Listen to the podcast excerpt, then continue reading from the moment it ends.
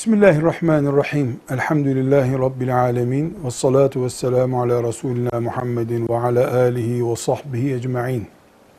Günahkarla ilişki içinde olmak caiz midir? Önce bir gerçeği tespit etmemizde yarar var. Kim bu dünyada günahkar olmayan kuldur? Kaç kulu var Allah'ın günahkar olmayan? Dolayısıyla günahkar deyince meleklerin dışındaki herkes bu isme dahildir. Ancak günahkarlığı meslek edinmiş insanlar başka. Şöyle sorarsak bu soruyu doğru olur. Biz dostluk, arkadaşlık, komşuluk, şirket ortaklığı, patronluk, işçilik gibi ilişkiler için sıfır günah sahibi insan mı arayacağız? Hayır. Sıfır günahkar insan yoktur ki. Bizim dostlarımız, arkadaşlarımız, komşularımız, iş ortaklarımız, patronlarımız, işçilerimiz insan olacaklar. Dolayısıyla günah sahibi olabilirler.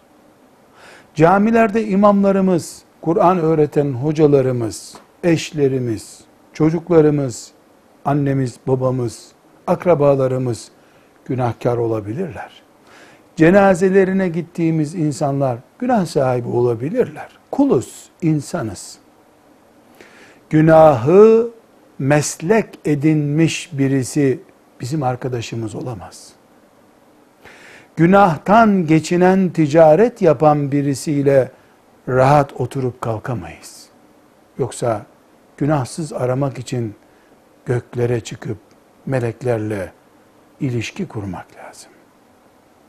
Sadece faizcilikle, tefecilikle geçinen bizim dostumuz olamaz.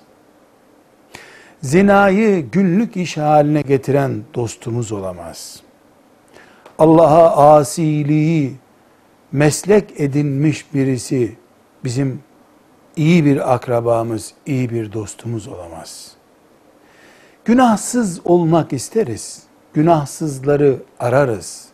Ama günahı alenileştiren, kamulaştıran ile ara sıra günah işleyen arasında fark olduğunu biliriz. Günahın sahibini protesto etmek başka, günahına rağmen insanlarla komşuluğu yürütmek başka şey. Bu dengeyi kurmak imanın gereği yüzde yüz günahsız olamadık ki yüzde yüz günahsız komşular arayalım. Ama günahların norm sınırları içine girmesi artık faizin, zinanın, kumarın, çıplaklığın normalmiş gibi görünmesi bir afettir. Allah yardımcımız olsun.